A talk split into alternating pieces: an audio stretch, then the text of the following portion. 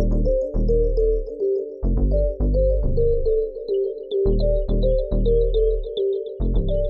Merhaba ben Faruk Çalışkan. İsrail ablukası altındaki Gazze şeridinde Filistinlilere karşı gerçek anlamda bir kıyım sürüyor. Havadan, karadan, denizden bombalanıyorlar. İsrail'in en büyük destekçisi Amerika Birleşik Devletleri ise yine bildiğiniz gibi. Washington yönetimi Amerikan kamuoyuna göre daha geleneksel bir çizgi tutturmuş görünüyor.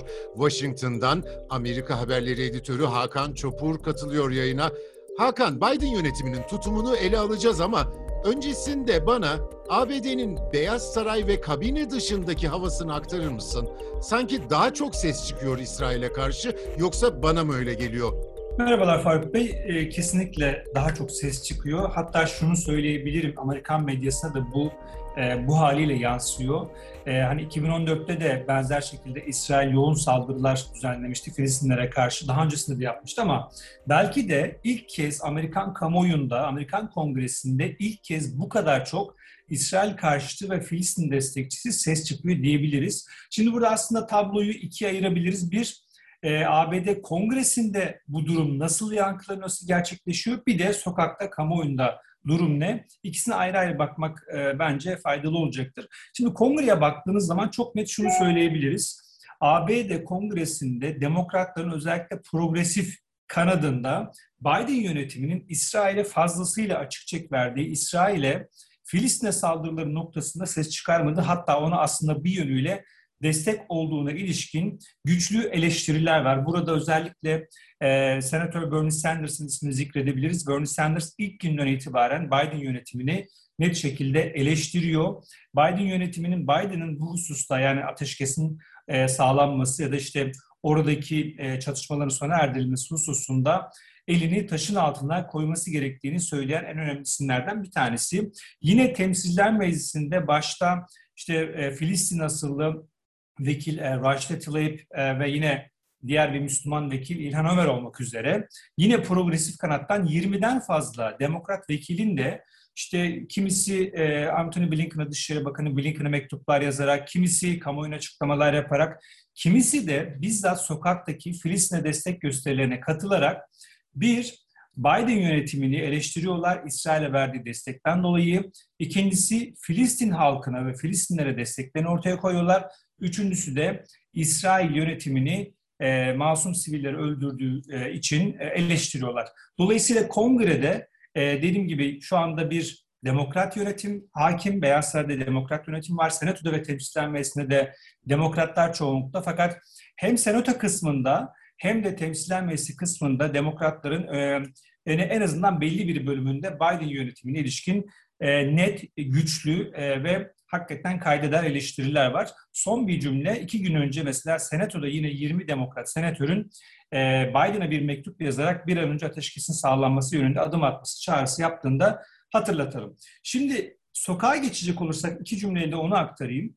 Sokakta da şöyle bir hareketlilik var. Özellikle geçtiğimiz hafta sonu başta başkent Washington DC ve New York olmak üzere Los Angeles'ta, Chicago'da, Miami'de, Atlanta'da pek çok büyük kentte hem cumartesi hem pazar büyük gösteriler düzenlendi. Bunların bazılarına vekiller katıldı, bazılarına işte Bella Hadid gibi dünya ünlü isimler katıldı, Filistin asıllı e, ya da destek verdiler ve gerçekten hani bir anlamda belki de yüz binlerce insan Filistin'e destek olmak üzere sokakları doldurdu. Belki Amerikan medyası daha önceki bu siyahların hayatı değerlidir eylemlerindeki kadar meseleyi büyük görmedi. E, onu da bir cümle eleştiri olarak aktarmış olalım. E, nihayetinde yine de genel anlamda buradaki bu sokaktaki Filistin'e destek ve İsrail'e tepki gösterilerinin gerçekten geniş şekilde yankı bulduğunu söyleyebilirim. Özetlemek gerekirse belki de ilk defa Amerikan kamuoyunda, Amerikan kongresinde e, Filistin'e destek ve İsrail'e tepki noktasında böyle bir tablo ortaya çıkmış durumda. Şimdi Ocak ayında Başkan Joe Biden göreve geldi ve bir kabinesi de göreve başladı. Ve bu isimler dış politika ve güvenlik savunmayı temsil eden, icra eden isimler ABD'nin bu konudaki geleneksel çizgisini sürdürüyor değil mi? Evet, bunu net bir şekilde söyleyebiliriz. Hatta aslında bu eleştirilerin bir, bir noktası şuradan başlıyor. E, diyorlar ki Biden yönetimi dış politikada pek çok noktada Trump'ın kendisine bıraktığı mirası reddederek veya oradaki bir takım adımları geri çevirerek aslında yola çıktı. Ancak dokunmadığı belki de en önemli alan e, İsrail politikasıydı. Çünkü Trump döneminde alınan işte Büyükelçiliğin Kudüs'e taşınması, Kudüs'ün İsrail'in başkenti olarak tanınması, Golan Tepelerinde İsrail'in hakimiyetinin tanınması gibi ve bunun gibi e, ne diyelim bir takım önemli adımlar, Trump döneminde atılan bir takım adımların e, hepsini Biden yönetimi kucakladı, bunları sürdüreceğini ifade etti. En azından geri çevirmeyeceğini ifade etti ve hatta İsrail'in bölgedeki ülkelerle normalleşmesine yönelik Trump döneminde adılan atımları desteklediğini de Biden yönetimi ifade etti. Dolayısıyla bir hani Biden yönetimi Trump döneminde e, böyle biraz hani fazla abartıldığını düşündüğümüz İsrail politikalarını büyük oranda zaten devam ettiriyor. O yüzden çok bir farkı yok. Belki tek e, hani fark olarak söyleyebileceğimiz şey Trump döneminde askıya alınan Filistin'e Filistin'e yardımların işte 300-400 milyon dolar belki toplam rakam olan bu yardımların serbest bırakılmasına yönelik adım oldu. Fakat özellikle bu kriz başladığı noktadan itibaren hepimiz gördük ki e, Biden yönetiminin İsrail'e ilişkin söylemleri de İsrail'in kendini savunma hakkına ilişkin e, ne diyelim o, o hakkını sürekli hatırlatan, sürekli Hamas'ın attığı füzeleri kınayan fakat İsrail'in saldırılarında sivillerin öldüğünü hiçbir zaman kabul etmeyen ve bu saldırıları hiçbir şekilde kınamayan bir Biden yönetimiyle karşı karşıyayız. Bu Beyaz Saray'da da böyle, e, Dışişleri Bakanlığı'nda da böyle, Antony Blinken'ın açıklamalarında da böyle, briefinglerdeki sözcülerin açıklamalarında da böyle. Dolayısıyla aslında bu krizde biz şunu görmüş olduk. Her ne kadar söylemsel olarak bazı tonlamalarda farklılıkları olsa da Biden yönetiminin Trump yönetimine kıyasla ama toplamda e, hani İsrail'e destek noktasında e, şu anda aslında olabilecek neyse en güçlü destek e, bunu zaten aslında Biden yönetimi veriyor. Her ne kadar biz e, orada bir ateşkesin, dün bu arada Biden ilk kez e, işte ateşkesin sağlanmasını destekliyorum gibi ifade kullandı ki 10. gününe geldik e, oradaki saldırıların. O yönüyle Biden yönetiminin e, bugüne kadarki genel anlamdaki İsrail politikası neyse ABD yönetimlerinin o çizginin e, o çizgide devam ettiğini söyleyebiliriz. Sonuçta İsrail'in en büyük hamisinden bahsediyoruz ve kamuoyunda, yasama organında birazcık kıpırdama olması bize heyecan veriyor ama Amerikan siyasetinde ana akımın İsrail konusunda tutum değiştirmesine galiba daha epey zaman var.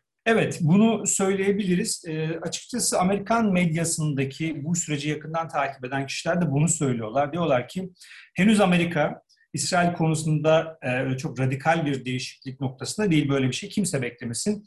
Zira bu aslında başkanlar üstü, yönetimler üstü bir ABD'nin e, bölgeye ilişkin temel politikalarının başında gelen bir husus İsrail'in e, oradaki güvenliğinin sağlanması konusu.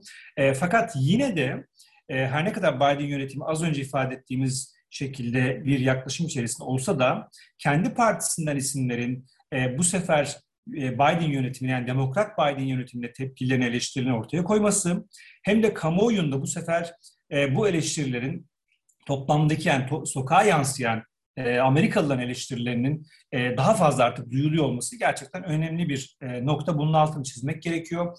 Belki ABD'nin devlet olarak İsrail ile ilişkileri, İsrail'e yönelik yaklaşımında biz kısa vadede bir değişim görmeyeceğiz. Fakat e, bu e, yaklaşımı etkileyebilecek, en azından bunun üstüne baskı kurabilecek artık daha fazla ses olduğunu hem kongrede hem de sokakta daha fazla ses olduğunu e, vurgulamak, bunun altını çizmek gerekiyor. Bu son derece önemli bir nokta. İnşallah bu çizgi daha da güçlenerek devam eder. Washington'dan Hakan Çopur'a teşekkür ediyorum.